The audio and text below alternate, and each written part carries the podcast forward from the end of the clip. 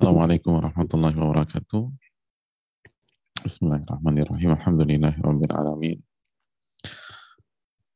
Wa bihi nasta'in ala umuri dunia wa din. Wa nashhadu an la ilaha illallah wahdahu la syarika lah. Wa anna Muhammadan abduhu wa rasuluhu la nabiyya ba'da. Wa nusalli wa nusallim ala nabiyyina Muhammadin wa ala alihi wa sahbihi ajma'in wa ba'd. Hadirin yang Allah muliakan, marilah kita bersyukur atas seluruh nikmat yang Allah berikan kepada kita.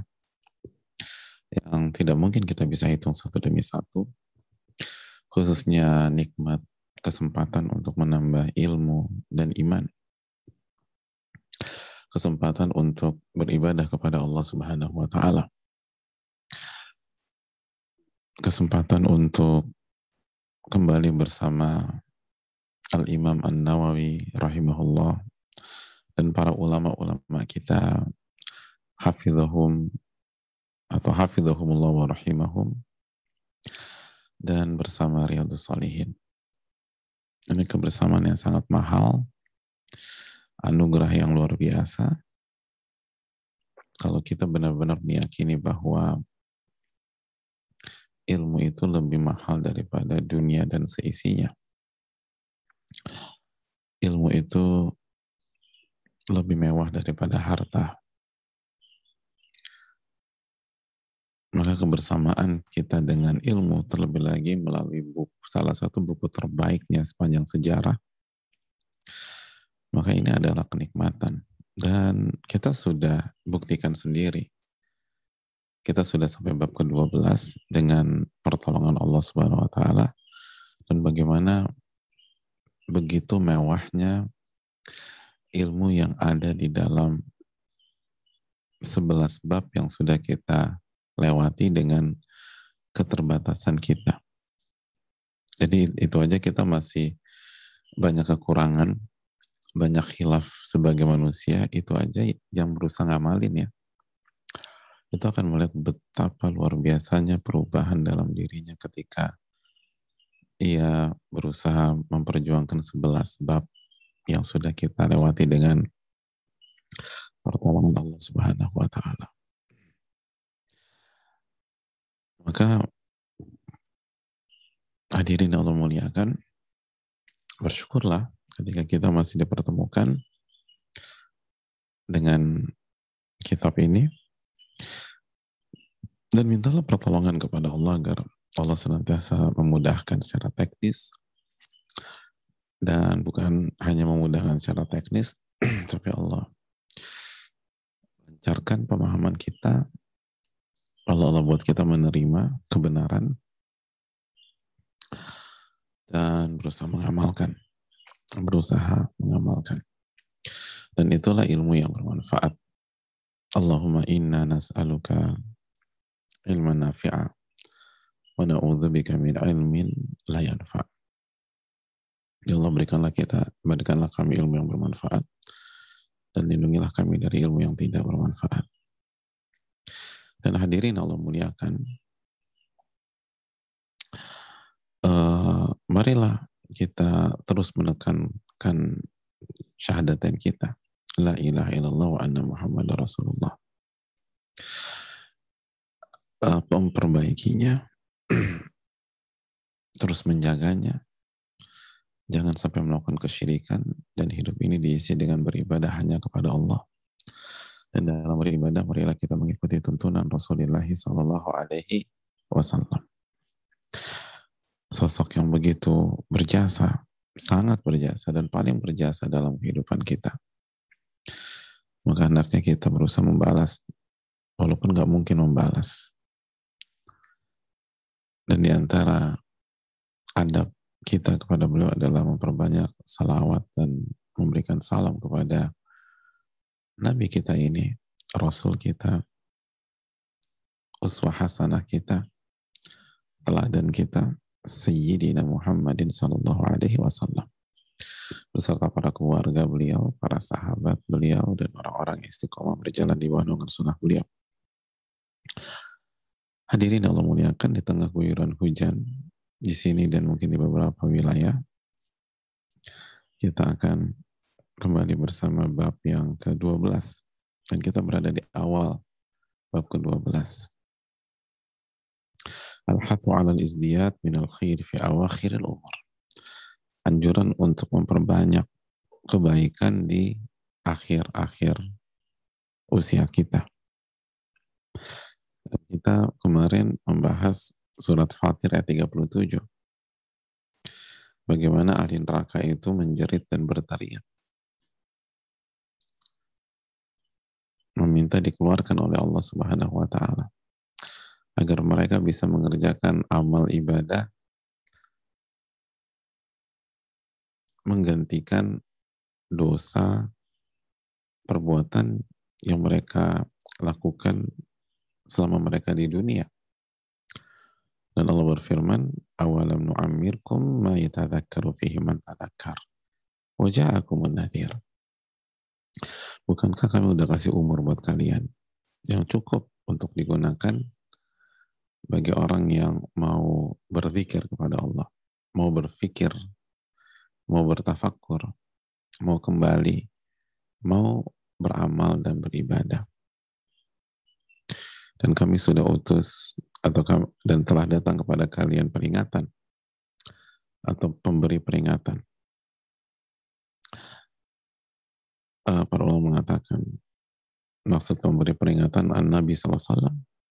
Sebagian ulama mengatakan Al-Quranul Karim dan sebagian ulama mengatakan uban.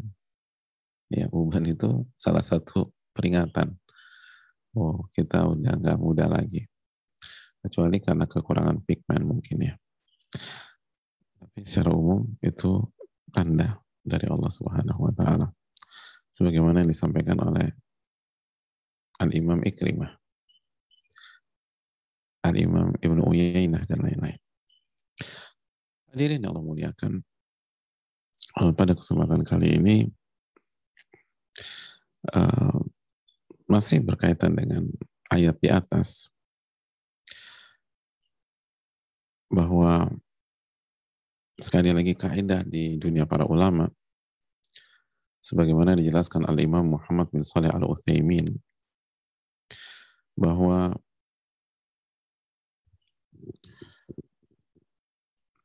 manusia itu semakin bertambah usia dan umur maka harus semakin bertambah ketaatan dan amal solehnya. Jadi manusia itu atau orang itu ya, kita-kita nih, semakin bertambah umur, semakin bertambah usia, itu harus semakin menambah amal soleh dan ketaatan. Ini ini penting. Ini uh, apa? Antitesis banyak hal duniawi. Kan gitu ya. Seperti kemarin kita bilang kalau secara duniawi semakin tua kegiatan semakin berkurang secara umum. Ada masa pensiun. Makanya ada post power syndrome yang biasanya punya posisi lalu aktif tiba-tiba masuk usia 55 atau di atasnya pensiun dia bingung nggak ada aktivitas. Kalau punya posisi lagi tapi sindromnya masih kayak punya posisi kan gitu ya. Jadi aktivitas berkurang. Dari sisi makanan semakin bertambah usia orang harus mengurangi dan mengatur makanannya. Nggak bisa makan bebas lagi jadi dikurangin dikurangin dari sisi olahraga semakin bertambah usia, semakin tahu usia, olahraga diminta untuk dikurangi, dikontrol, dikurangi. Yang biasanya loncat-loncat, jangan loncat-loncat gitu loh. Jangan, jangan, jangan, jangan, artinya yang loncat boleh tapi intensitas. Dianjurkan udah jalan aja. Sepeda statis aja. Jadi banyak sekali hal kalau ber, semakin bertambah usia semakin dikurangin tuh aktivitas dikurangin uh, opsi makannya dikurangin opsi olahraganya. Gak bisa bebas gak bisa banyak seperti waktu kita waktu dulu dia muda. Tapi berkaitan dengan amal soleh hadirin berkaitan dengan ibadah justru sebaliknya justru sebaliknya Semakin bertambah umur, semakin bertambah usia, kurvanya harus kurva ibadahnya harus semakin tinggi, semakin tinggi, semakin tinggi, semakin tinggi. Seperti itu. Karena kata para ulama seperti Al-Imam Muhammad bin ketahuilah annamal madar ala akhiril umur. Karena parameternya itu di hari-hari terakhir. Iya kan? Parameternya di hari-hari terakhir. Di akhir umur kita. Di akhir usia kita. Maka grafik harus naik. Grafik harus naik. Masih ingat hadis Bukhari hadirin? Nabi SAW bersabda, wa inna ahadakum layamal bi'amali ahli nar. Dan di antara kalian ada yang semasa hidupnya mengerjakan amalan-amalan ahli neraka. Hatta ma yakunu bainahu bainaha illa dhira. Sampai di akhir usianya. Sampai di akhir usianya. Fasbiku alil kitab faya'mal bi'amali ahli jannah.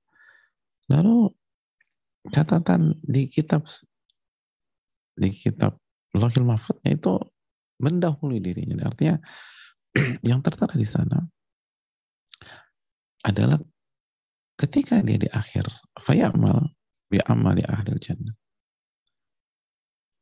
Jadi catatannya di Lauhul Mahfud mendahului dirinya lalu dia mengerjakan amalan ahli surga di akhir hidupnya faidahulaha lalu dia masuk surga.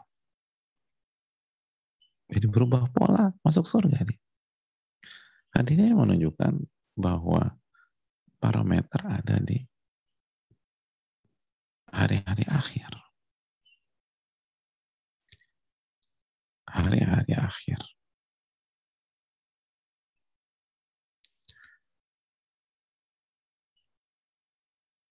Bahwa harapan itu masih ada. Tapi tinggal kita mau mensyukurinya dan mau merubah pola kita atau tidak. Jadi semakin bertambah umur harus kita tambah. Kita tambah, kita tambah, dan kita tambah. Bukan justru melemah. Jadi nggak ada tuh cerita. Ayo Pak, kita belajar baca Quran. Aduh, udah, saya, saya udah umur begini nih.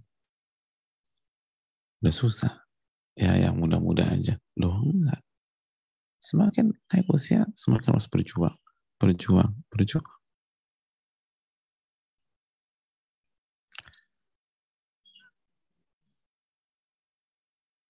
Semakin semangat ibadah. Baik ibadah zahir maupun ibadah hati. Al-Imam Al-Zahabi dalam siar membawakan bahwa Abu Musa al-Ash'ari salah satu sahabat Nabi Shallallahu Alaihi Wasallam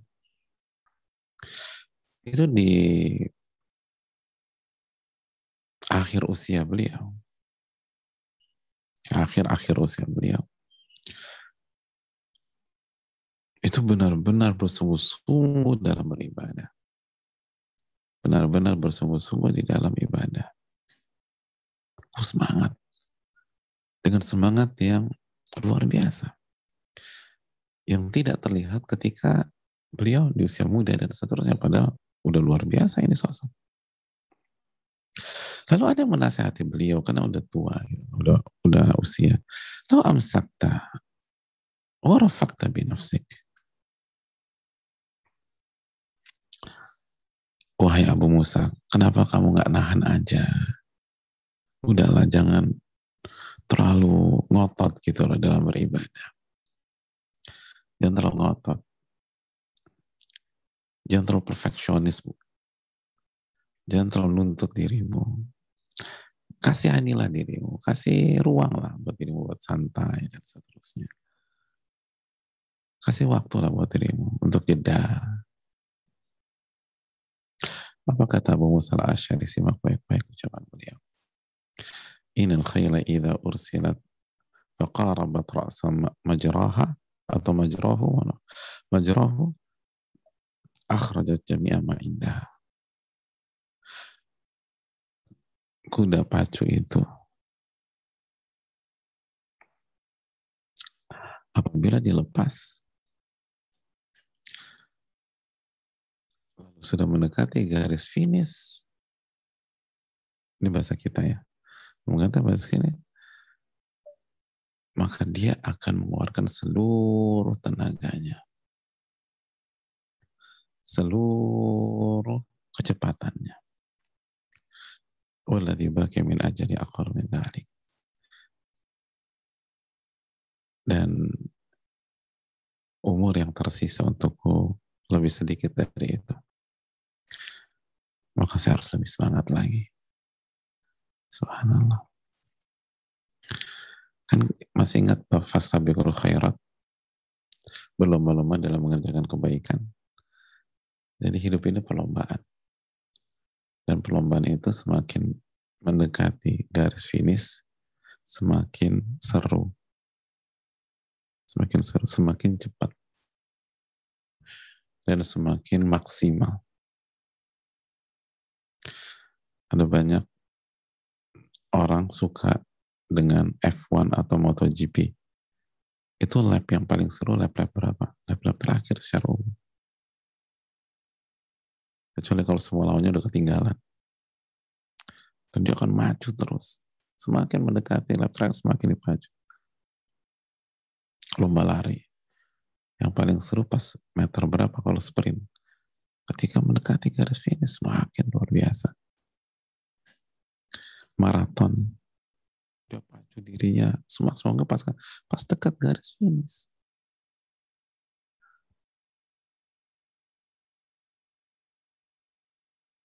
Jadi semakin bertambah umur harus semakin besar semakin semangat semakin giat. Gitu hadir jadi kalau di rumah kita nih ada misalnya ada cucu ada anak, ada kakek, ada nenek. Itu yang harus paling semangat ibadah kakek nenek. Misalnya gitu ya.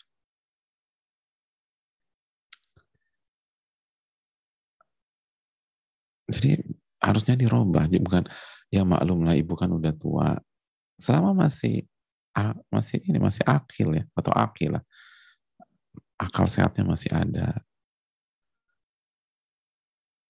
Tapi kan apa uh, udah pengapuran nih orang tua Ustaz atau udah pengkroposan tulang. Udah nggak bisa sholat berdiri lagi. Loh kalau nggak bisa sholat berdiri kan bisa sholat duduk. Nggak bisa ngapa-ngapain bisa berzikir. Bisa berdoa. Bisa sholat sambil tidur Gak ada alasan hadirin. Gak ada alasan. Dan kita-kita juga. Di usia kita 30-an tahun, itu harus lebih, ibadah kita di usia 30 harus lebih bagus daripada ibadah kita di usia 20-an tahun. Nanti 40 tahun begitu kurva harus naik, naik, naik, naik, naik. Dan lihat bagaimana cara berpikir para sahabat. Semakin dekat garis finish harus semakin dipacu. Bukan semakin santai. Ayo istirahat. Udah udah udah biarin. Kan udah tua aja nggak usah lah. Oh enggak.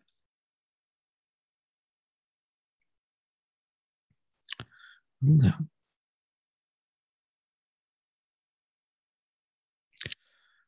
Makanya ada banyak kasus di haji hadirin. Dan orang yang sering naik haji dan berinteraksi dengan jamaah saya rasa akan punya kesimpulan yang sama Walaupun nggak semua ya. Artinya banyak di kloter-kloter haji itu yang tua-tua jauh lebih semangat daripada muda-muda. Semangat. Sangat semangat.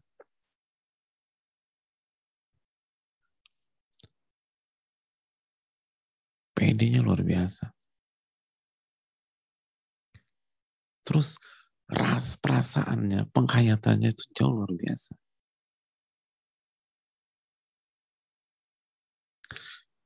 Masuk kota Madinah aja, yang muda-muda sibuk gadget, sibuk foto, segala yang tua-tua nangis. Walaupun nggak semua anak muda begitu, enggak. Tapi banyak kok sebenarnya. Oh sibuk ini, sibuk. Yang mau tua nangis. Ya Allah ngeliatin aja itu. Ingat Nabi Alaihi Wasallam.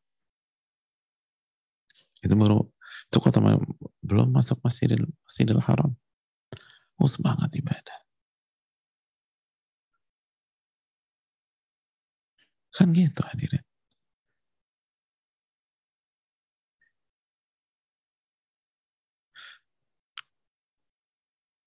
Yang muda-muda udah mikir pulang.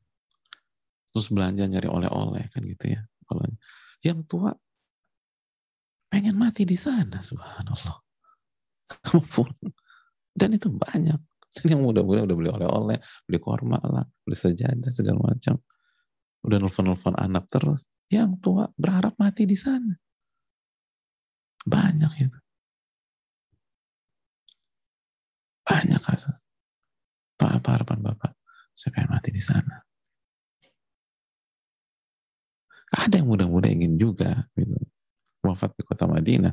Tapi Orang tua lebih banyak. Pengalaman saya dan sebagian pihak ya, kita nggak generalisir tentu saja. Dan yang muda juga banyak. Tapi nggak sebanyak yang tua. Yang biasanya yang masih usia produktif kan udah mikir pulang, bahkan dipercepat. Bisa pulang lebih cepat nggak? Oh bisa tapi beli tiket baru nggak masalah saya beli tiket baru. Jadi yang muda udah gitu, oh, ikut bisnisnya segala macam atau ingat anak yang tua-tua udah sekitar kalau bisa nggak pulang pengen wafat di sana subhanallah. Real ini anak-anak ada. Semakin bertambah usia itu semakin semangat. Semakin semangat. Yang apa namanya yang penginapannya jauh dari Masjidil Haram jalan.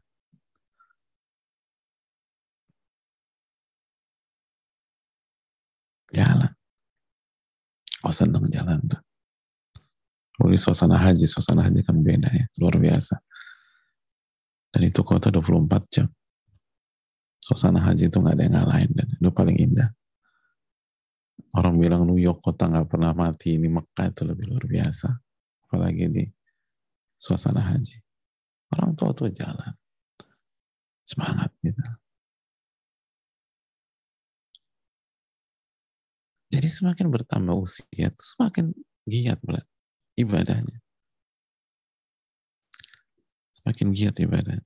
Adapun sekali lagi, adapun masalah fisik yang secara sunatullah melemah itu nggak ada masalah, nggak ada kontradiksi.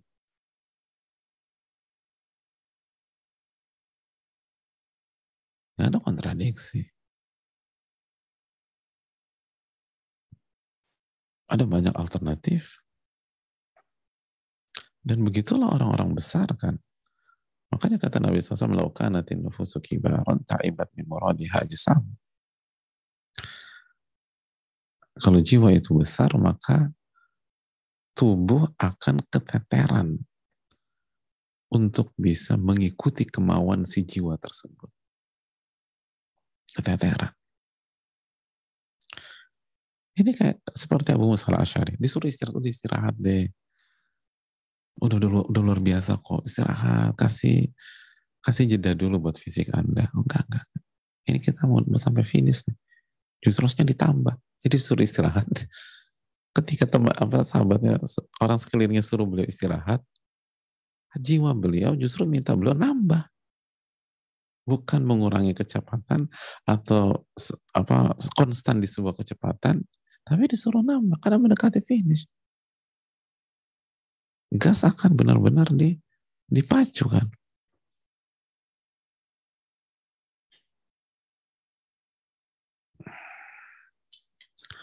Itu hadirin.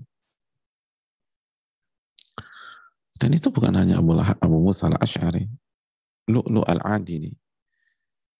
Itu di akhir-akhir usia beliau, oh, rajin beribadah.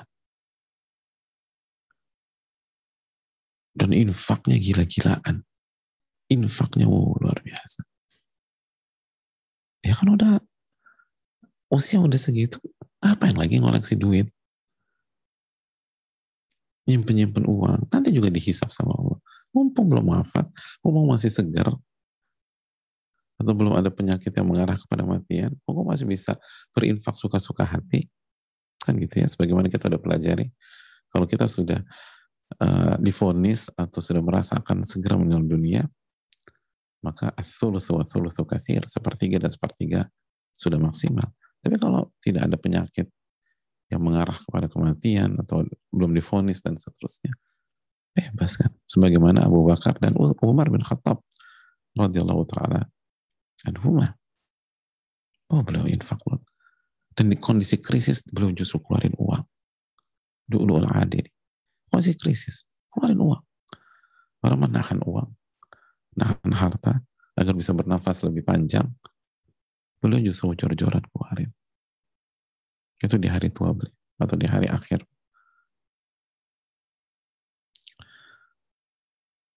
Itu yang hendaknya kita tanamkan. Jadi kerangka berpikirnya itu dirubah.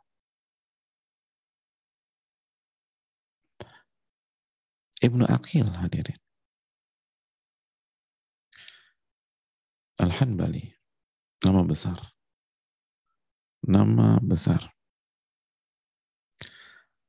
Kata Al-Zahabi rahimahullah, ini sosok ini al-bahru ini samudranya ilmu samudra ilmu hadirin Allah muliakan apa kata beliau kata beliau ana fi ashri athamanin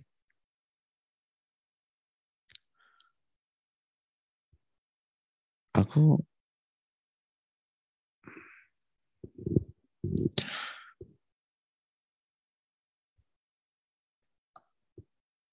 di usia 80-an tahun. Jadi usianya Thamanin.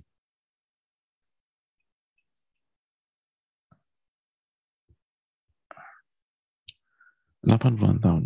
Ajad min al-hirsi ala al-ilm. Asyaddu mimma kuntu ajiduhu ajidu min al-hirsi 'ala al-ilm ashad mimma kuntu ajiduhu wa ana ibnu ishrin. Aku merasa semangatmu, eh, aku merasa semangatku untuk menuntut ilmu, belajar, beribadah, itu melebihi semangatku pada saat aku di usia 20-an tahun. Subhanallah.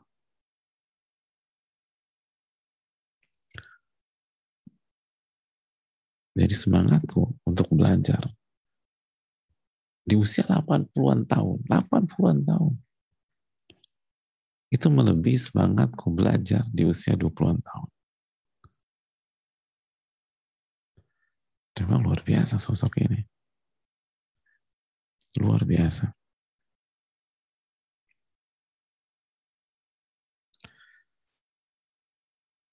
itu beliau pernah mengatakan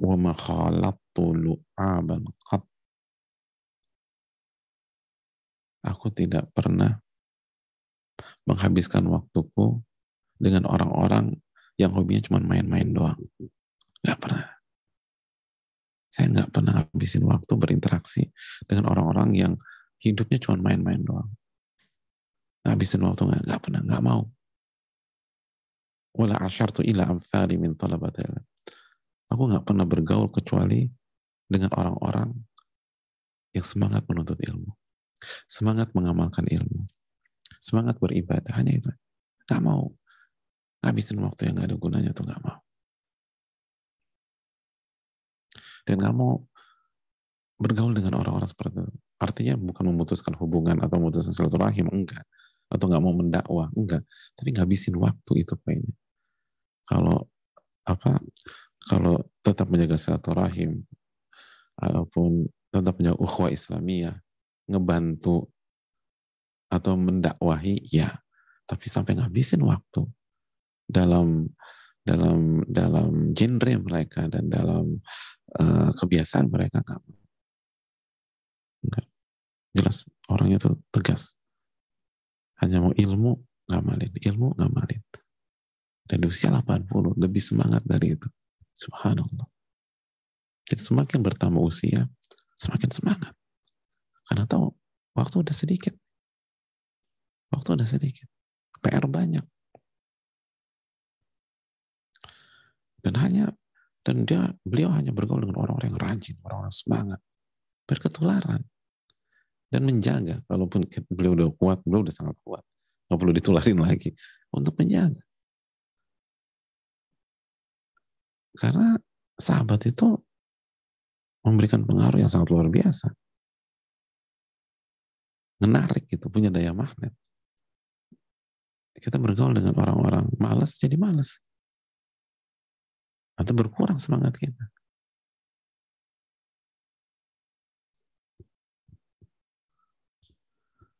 Oleh karena itu hadirin Allah muliakan. Semakin bertambah usia, semakin semangat, dan semakin menambah amal soleh, semakin menambah ibadah.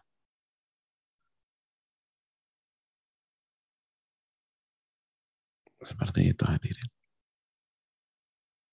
Dan itulah kurva yang benar. Dan sekali lagi, keterbatasan fisik bukan alasan.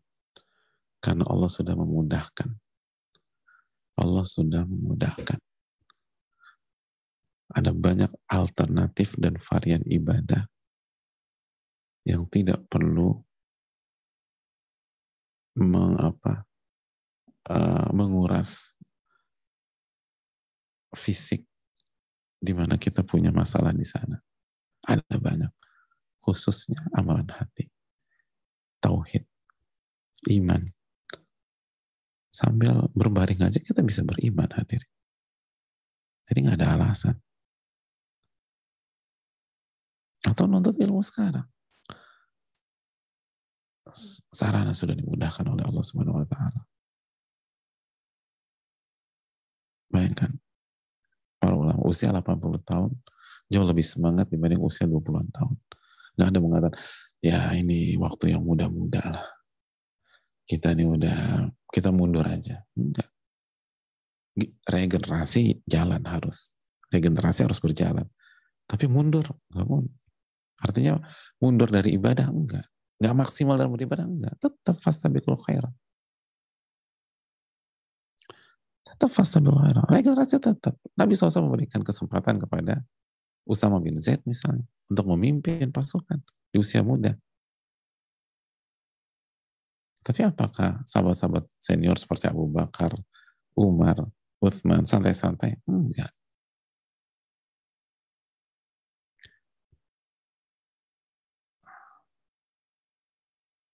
Orang berpikir apa yang bisa saya berikan, apa yang saya bisa berikan, apa yang saya bisa berikan. Itu. Semakin semakin bertambah usia terus berpikir apa yang bisa saya berikan, apa yang bisa saya lakukan, apa yang saya bisa atau sumbangsi apa yang saya bisa lakukan, gitu kan. Bukan tenggelam, bukan tenggelam. Atau kondisi pandemi seperti ini tadi apa yang saya bisa berikan, apa yang bisa saya berikan, apa yang bisa saya berikan. Dan nggak ada kontradiksi kan. Semua media sudah diberikan oleh Allah SWT. Bukan terpuruk. Jadi hadirin Allah muliakan. Semakin bertambah umur, semakin ditingkatkan ibadah dan amal solehnya semakin memperbaiki diri. Dan keterbatasan fisik bukan alasan. Allah Ta'ala alam bisawab. Nah, cukupkan sampai di sini. Kita buka sesi tanya jawab. Wassalamualaikum warahmatullahi wabarakatuh. Ada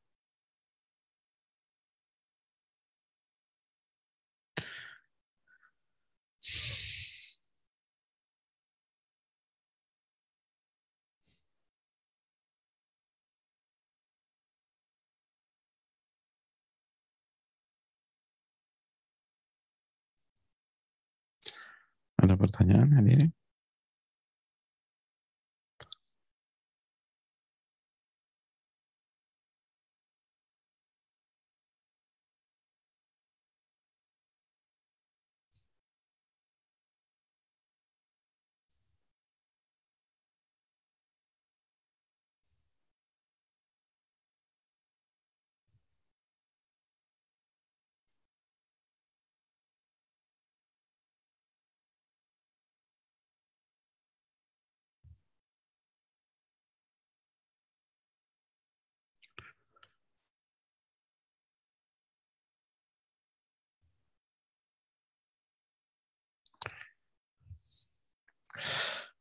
Uh, Assalamualaikum warahmatullahi wabarakatuh.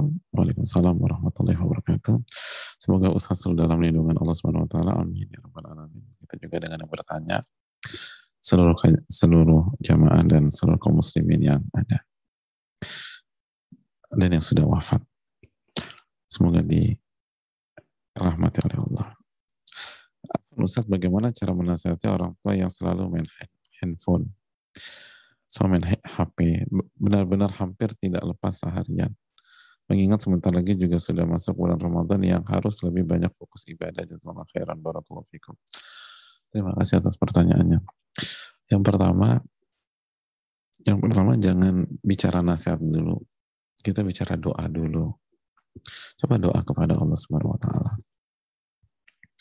Seringkali kita semangat menasihati orang atau orang tua tapi lupa mendoakan mereka Minta agar Allah bukakan pintu pintu hidayah. Allah mudahkan hati beliau untuk teguh di atas jalannya. Doa dulu lah, doa, doa, doa, dan doa. Itu hal, hal penting hadirin. Terus yang berikutnya, coba perubah diri kita dulu. Karena semakin kita menjadi orang yang soleh, doa kita semakin semakin kuat diijabah oleh Allah. Dan berikutnya juga uh, apa yang kita lakukan, orang tua kita akan mendapatkan pahalanya kan. Jadi backup orang tua dengan kita berjuang menjadi sosok yang lebih soleh, lebih soleh, dan terus lebih soleh. Terus setelah itu kita uh, prioritaskan dulu, baru masuk ke nasihat. Karena nggak mudah memang menasehati sosok yang sudah uh, apa sudah masuk usia usia tua dan sudah terpola dengan kebiasaan tertentu. Dan di antara yang bisa kita sampaikan ke beliau adalah surat Ali Imran ayat 102 misalnya ya ayyuhalladzina amanu taqullah haqqa tuqatih wa la tamutunna illa wa antum muslimun. Orang-orang beriman bertakwalah kepada Allah dengan sebenar-benarnya takwa. Dan janganlah kalian wafat kecuali dalam kondisi seorang muslim. Dalam dalam dalam kondisi beriman. Nah, kan bingung ya, karena janganlah wafat kecuali dalam kondisi Islam, kondisi iman. Sedangkan Allah nggak pernah kasih tahu kapan kita wafat. Maka Al-Imam Ibn Kathir memberikan sebuah kaidah besar kepada kita, Man ala mata alaih. Barang siapa yang hidup dengan pola tertentu, maka dia akan wafat dengan pola tersebut. Barang siapa yang hidup dengan pola tertentu, maka dia akan eh, kemungkinan besar dia akan wafat dengan pola itu. Jadi kalau pola kita, jadi bilang ke orang tua kita, ke ayah kita, ibu kita ya, atau bu, kalau kita polanya main handphone terus, main handphone terus, apa kita mau meninggal dalam kondisi main handphone? Oh enggak kok, ayah ini baca Quran. Ini udah khataman ketiga, alhamdulillah. Kalau Misalnya ternyata beliau baca Quran di handphone. Tapi kalau main nggak jelas gitu, ingetin. Ini barang siapa yang hidup dengan pola tertentu, dia akan wafat dengan pola itulah kemungkinan besar. Dan kasus banyak. Kasus banyak. Kasus banyak.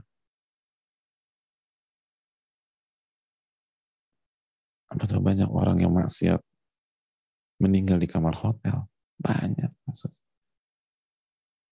Na'udzubillah, na'udzubillah. Jadi artinya meninggal kamar hotel bukan berarti nggak bagus ya, tapi kita tahu lah. Makanya tadi apa namanya narasinya banyak banyak orang yang maksiat meninggal dalam kamar hotel kan quote and quote. Jadi ada banyak orang yang eh, rajin sholat meninggal dalam kondisi sholat. Allah taala bisa. Sampaikan itu. Terus pelan-pelan, pelan-pelan. Lalu buat kegiatan ibadah yang melibatkan beliau. Coba cari kegiatan ibadah yang melibatkan beliau. Kita harus lebih kreatif. Kita harus lebih kreatif. Ajak beliau Allah Ta'ala.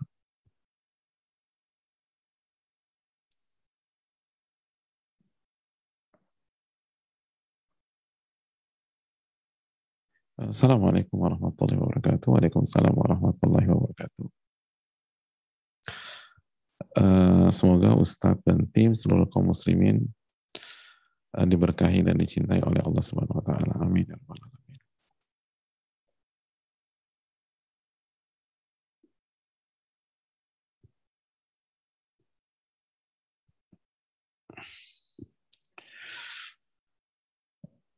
Uh, saya mau, Ustaz saya mau tanya, dan semoga begitu juga dengan yang bertanya ya, semoga diberkahi dan dicintai oleh Allah dan seluruh kaum muslimin. Bagaimana cara mengenali nafsu yang buruk dan syaitan di dalam diri kita sehingga kita bisa menyelisih kedua hal tersebut? Ya, uh, itu pertanyaan pertama. Mengenali nafsu yang buruk dan syaitan di dalam diri kita itu harus dengan belajar hadirin. Belajar itu paling efisien dan paling tepat, paling komprehensif. Dan ada buku-buku para ulama tentang itu, misalnya dalam mengenali langkah-langkah dan tipu daya syaitan, Al-Imam Ibn Jauzi punya kitab Talbis Iblis. Tipu daya iblis. Dan Ibn Jauzi pun, rahimahullah, juga punya kitab tentang hawa nafsu. Judulnya Dhammul Hawa tercelanya hawa nafsu. Itu. Jadi ulama yang hidup di abad ke-6 ini itu punya dua buku yang bagus-bagus berkaitan dengan pertanyaan penanya. Dan Ma'ruf Talbis Iblis buku yang sangat terkenal di kalangan para ulama. Dan Hawa.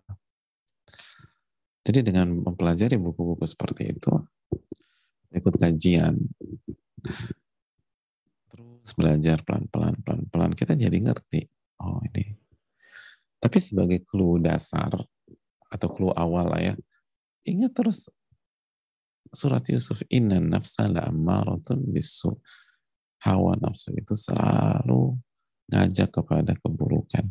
Illa ma rahimah rabbi. Kecuali yang dirahmati oleh Allah. Jadi nafsu yang baik itu hanya sedikit gitu anomali aja. Mayoritas ngajak kepada keburukan. Ngajak kepada keburukan. Jadi itu nggak boleh ini kaidah dasar. Nggak boleh lupa nafsu itu selalu ngajak kepada keburukan. Gitu hadirin. Sama kayak syaitan. Asyaitan ya'idukum al-faqra. Misalnya. Allah berfirman, syaitan itu selalu mengajak kepada kefakiran kekerdilan, ke, ke kerendahan gitu loh. Allah ya'idukum magfiratan minhu wa fadlan. Adapun Allah mengajak kalian kepada eh, menjanjikan kalian pada karunia dan pada ampunan. Jadi pesimistis, masa fakir, masa ini yang negatif tuh itu dari syaitan. Itu semua dari negatif dari syaitan.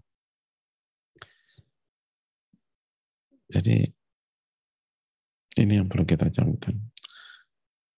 Uh, walaupun untuk secara detail karena banyak yang rancu dan syaitan kan jago banget kecuali kita ditolong oleh Allah Subhanahu wa taala. Makanya harus belajar, belajar. Dengan belajar pelan-pelan ya kebuka, kebuka, kebuka, kebuka. Kan itu. Misalnya contoh, dengan kita ikut kajian, kita rutin ikut kajian, akhirnya kita tahu surat Yusuf. Inna nafsala ammaratun bisu. Sesungguhnya nafsu itu selalu mengajak kepada keburukan. Selalu mengajak kepada keburukan. Jadi itu kan natural gitu. Kita jadi tahu surat Yusuf ayat 53 itu. Dengan kita, jadi pelan-pelan, pelan-pelan, pelan-pelan, dan seterusnya. Lalu pertanyaan kedua, pada suatu hari saya melihat kemaksiatan orang lain, lalu muncul perasaan marah. Tapi saya tidak tahu sebab kemarahan saya. Apakah ini marah yang termasuk marah yang istilah hawa nafsu, atau marahnya karena Allah, bagaimana cara menyikapi perasaan seperti ini ketika muncul di dalam diri kita agar termasuk sikap yang, agar termasuk agar termasuk sikap yang menyelisih. Jazakallah, makasih. Ini marah tuh penting loh hadirin, tapi marah seperti apa? Yang yang dapat pahala. Jadi dapat pahala kalau marah. Dan kalau nggak marah bisa dosa gitu. Adalah marah karena Allah. Nabi SAW bersabda, "Authaqo, eh, ural iman, hubu fillah." Authaqu ural iman, hubu fillah. Iman yang paling kokoh itu cinta karena Allah. Benci atau marah karena Allah. Nah, apa uh, parameternya, apa bentuknya marah karena Allah itu kita marah karena Allah dimaksiati. Bukan karena marah disebabkan pribadi. Bukan karena pribadi. Tapi karena Allah dimaksiati. Sehingga marah ini marah yang objektif malah yang objektif. Lalu uh, marah yang proporsional. Kalau marah pribadi, marah baper dan seterusnya itu nggak terkontrol. Itu bisa merembet ke mana-mana sampai kita nggak mau ketemu segala macam.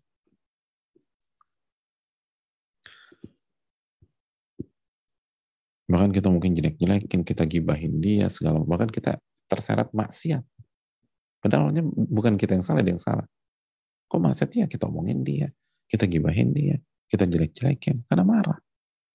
Udah nggak karu-karuan. Tapi kalau marah kalau enggak, kita nggak akan terjatuh kepada maksiat.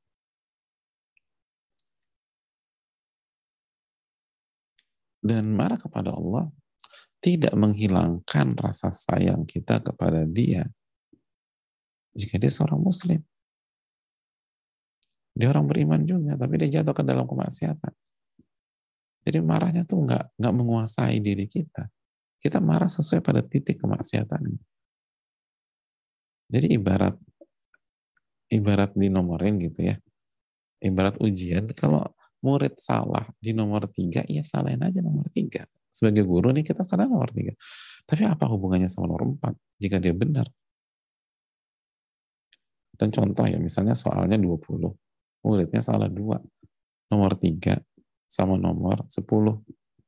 Kira-kira kita kasih nilai berapa tuh murid? Kita masih kasih nilai 9 ya. Walaupun kita salahin dia. Walaupun dia salah dan kita salahkan dia. Tapi di waktu yang sama kita tetap kasih dia nilai 9. Lalu kita tetap sayang sama dia, bahkan mungkin kita puji depan kelas. Tetap kita salahkan dua nomor tersebut. Nah, dalam kehidupan kan sering kali nggak begitu. Begitu salah satu nomor, selesai semua kelar, habis sudah. Dan nggak usah jauh-jauh, nggak usah nggak usah jauh-jauh orang lain. Ini sering kali kita dalam keluarga istri buat kesalahan satu udah selesai habis suami buat kesalahan sekali dua kali selesai nggak mau terima marah kecewa lupa nikah misalnya lima tahun, sepuluh tahun itu isinya kebaikan semua. Lupa itu. Yang diingat kesalahannya aja. Atau anak sama orang tua. Orang tua buat kesalahan, udah kecewa, marah. Apalagi kalau sampai divorce, sampai bercerai. Kita tahu ini kesalahan ayah kita. Atau ini kesalahan ibu kita. Iya salah. Tapi sampai Anda benci ayah Anda, sampai Anda benci ibu Anda. Memang itu karena Allah, atau karena pribadi. Lupa apa kebaikan mereka berdua. Oke, ibu Anda salah. Tapi yang lahirin Anda siapa? Yang memutuskan untuk tidak menggugurkan Anda atau menggugurkan kita. Yang memutuskan untuk tetap memperjuangkan kita walaupun mempertaruhkan nyawa beliau. Itu siapa? Kalau bukan ibu kita. Itu aja udah cukup. Ada orang buat kesalahan fatal. Tapi dia pernah menyelamatkan hidup kita. Emang kita akan nyecar dia terus? Enggak. Ada orang punya kesalahan fatal. Tapi waktu kita TK, waktu kita SMP, orang itu yang menanggung seluruh biaya hidup kita. Emang kita akan nyecar dia terus? Enggak. Ya terus, kenapa kita nyecar ayah dan ibu kita? Ketika dia buat salah. Kalau orang lain bisa berpikir begitu, ini ayah ibu kita sendiri. Itu itu marah bukan karena Allah. Marah hawa nafsu. Marah karena Allah itu proporsional. Itu yang dijelaskan oleh Imam Ibn Qayyim. Rahimahullah ta'ala.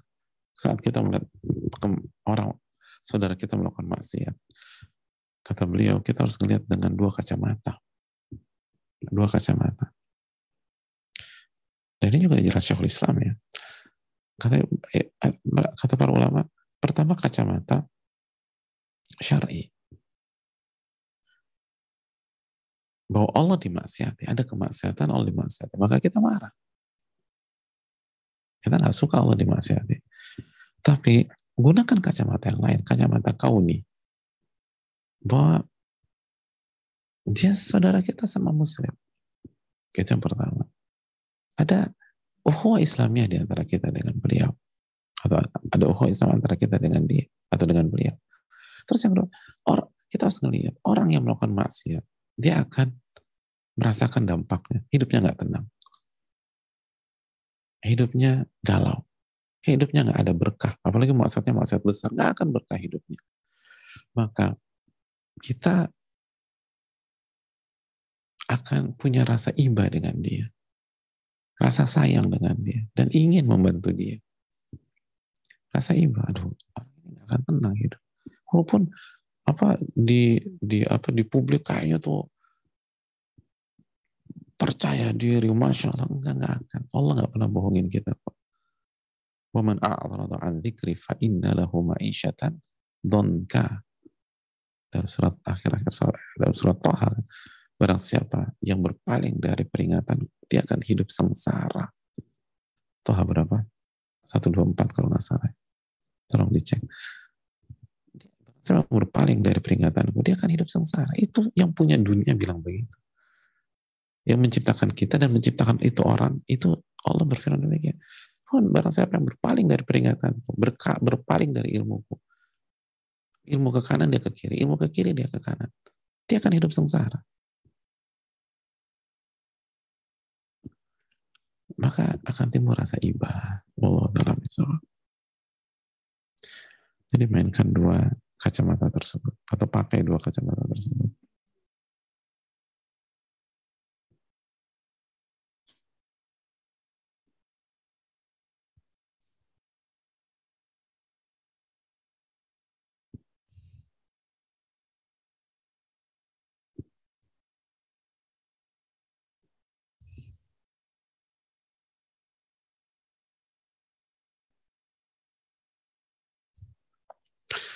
Uh, Assalamualaikum warahmatullahi wabarakatuh. Assalamualaikum warahmatullahi wabarakatuh. Semoga Allah senantiasa menjaga Ustadz, keluarga, tim, serta seluruh umat muslim. Amin. Ya alamin. Begitu juga yang bertanya dan kita semua. Semoga Allah memberikan ilmu kepada kita. Amin. Uh, Bismillah, Ustadz mohon nasihatnya anak yang lemah semangat, tidak mujahadah dalam bekerja, suka berpindah-pindah karena lain hal seperti nepotisme, daerah kerja yang terpencil, dan Anda suka mengeluh ketika di sana dan lain-lain. Bagaimana sikap Anda yang ingin mengakhiri kontrak dalam bekerja? Apakah Anda tidak mujahadah dalam hidup? Apakah Anda tidak menerima takdir dari Allah? Apakah Anda hamba yang tidak bersyukur? Terima kasih atas pertanyaannya. Kalau berkaitan dengan urusan dunia seperti ini atau bekerja seperti ini atau inilah ya yang ditanyakan oleh penanya, kita kan tahu al aslu fil asya ibaha. Yang pertama hukum asal segala sesuatu dari kehidupan dunia kan boleh. Mau mau bekerja di satu perusahaan dari awal sampai akhir boleh. Mau pindah-pindah juga boleh selama tidak menyelisih akad dan selama tidak mengkhianati akad kan boleh. Al aslu fil. Jadi pertanyaan ini antara opsi boleh dengan boleh gitu, bebas. Mau tetap di sebuah sebuah apa sebuah perusahaan boleh, mau pindah boleh, mau buka usaha baru boleh, mau cari-cari pengalaman boleh. Nah, ini saya dua tahun aja di sini nanti pindah lagi. Misalnya dan itu yang penting. Nah, yang terpenting adalah hadirin itu mengapa kita pindah gitu. Jadi why factornya Mengapa itu? Alasannya, motifnya itu, niatnya itu. Kalau alasan dan niat kita pindah-pindah karena kita uh, mental kita nggak besar, lebih cenderung mundur kalau ada masalah, mundur ketika ada uh, kendala, mundur ketika ada obstacle atau uh, ganjalan, nah ini harus diperbaiki. Karena semua pekerjaan pasti ada kendala. Semua kerjaan, semua bidang pasti ada masalah. Pasti nggak sempurna. Semua perusahaan nggak ada yang sempurna.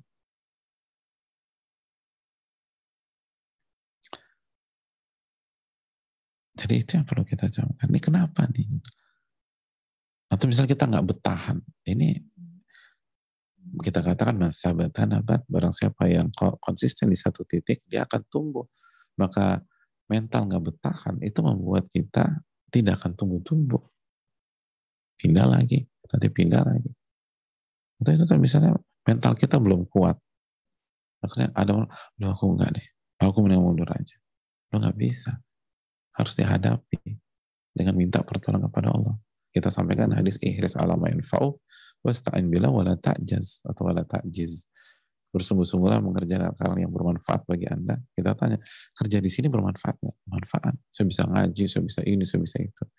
Ya udah minta pertolongan kepada Allah dan jangan lemah. Maju terus saja. Misalnya apa namanya? Uh, jangan jangan mundur. Tapi kalau alasannya syar'i, misalnya di sana maksiat. Bidang situ haram. Atau di daerah terpencil sehingga kita nggak bisa nuntut ilmu. Nggak ada wifi juga, koneksi susah. Nah, kalau saya mau pindah saja agar saya bisa nuntut ilmu dan saya bisa istiqomah, ah silakan. Bagus. Itu penting. Makanya apa uh, kesimpulan ulama usul fikih di masa lalu klasik kata jangan tinggal di sebuah negeri yang tidak ada ahli ilmunya yang ada akses ilmu walaupun kata para ulama seperti Syekh Satri hafizahullah kaidah ini pada zaman sekarang bisa di cover dengan media jadi walaupun di negeri kita nggak ada ahli ilmu tapi kita bisa tetap ngaji belajar melalui sarana dan media. Jadi masih bisa, boleh. Tapi kalau dulu enggak, kata para ulama. Karena gimana dia mau sholat? Gimana dia mau beriman? Oh enggak ada akses ilmu sama sekali dengan tersebut. Dia harus cari.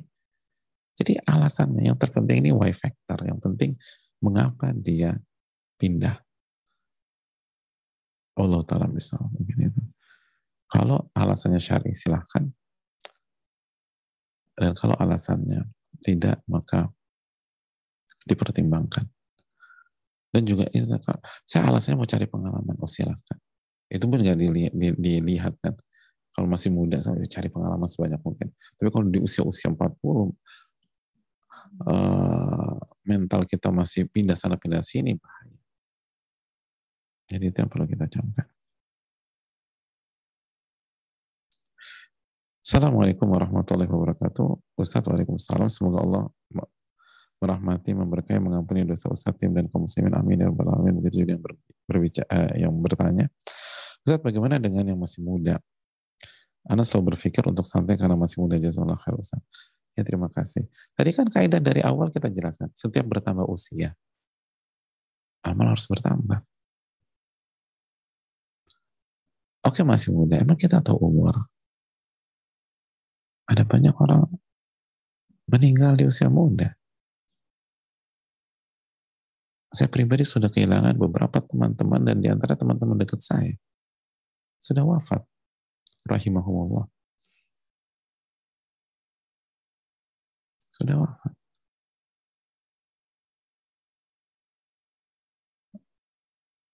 Salah satu teman yang paling dekat dengan saya waktu kuliah wafat sebulan yang lalu kurang lebih rahimahullah. Siapa yang jamin usia? Siapa yang jamin usia? Bahwa kita akan sampai 60, 70, 80 karena seperti udah akhir.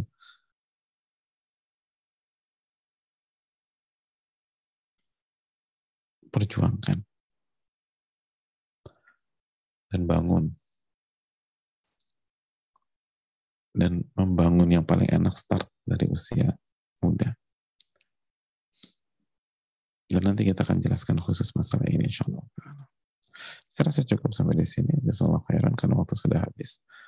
Senang bisa belajar dengan kita, uh, hadirin sekalian. Semoga kita mendapatkan ilmu yang bermanfaat dan dilindungi dari ilmu yang tidak bermanfaat. Semoga Allah Subhanahu wa taala menerima amal ibadah kita. Subhanahu wa la Assalamualaikum warahmatullahi wabarakatuh.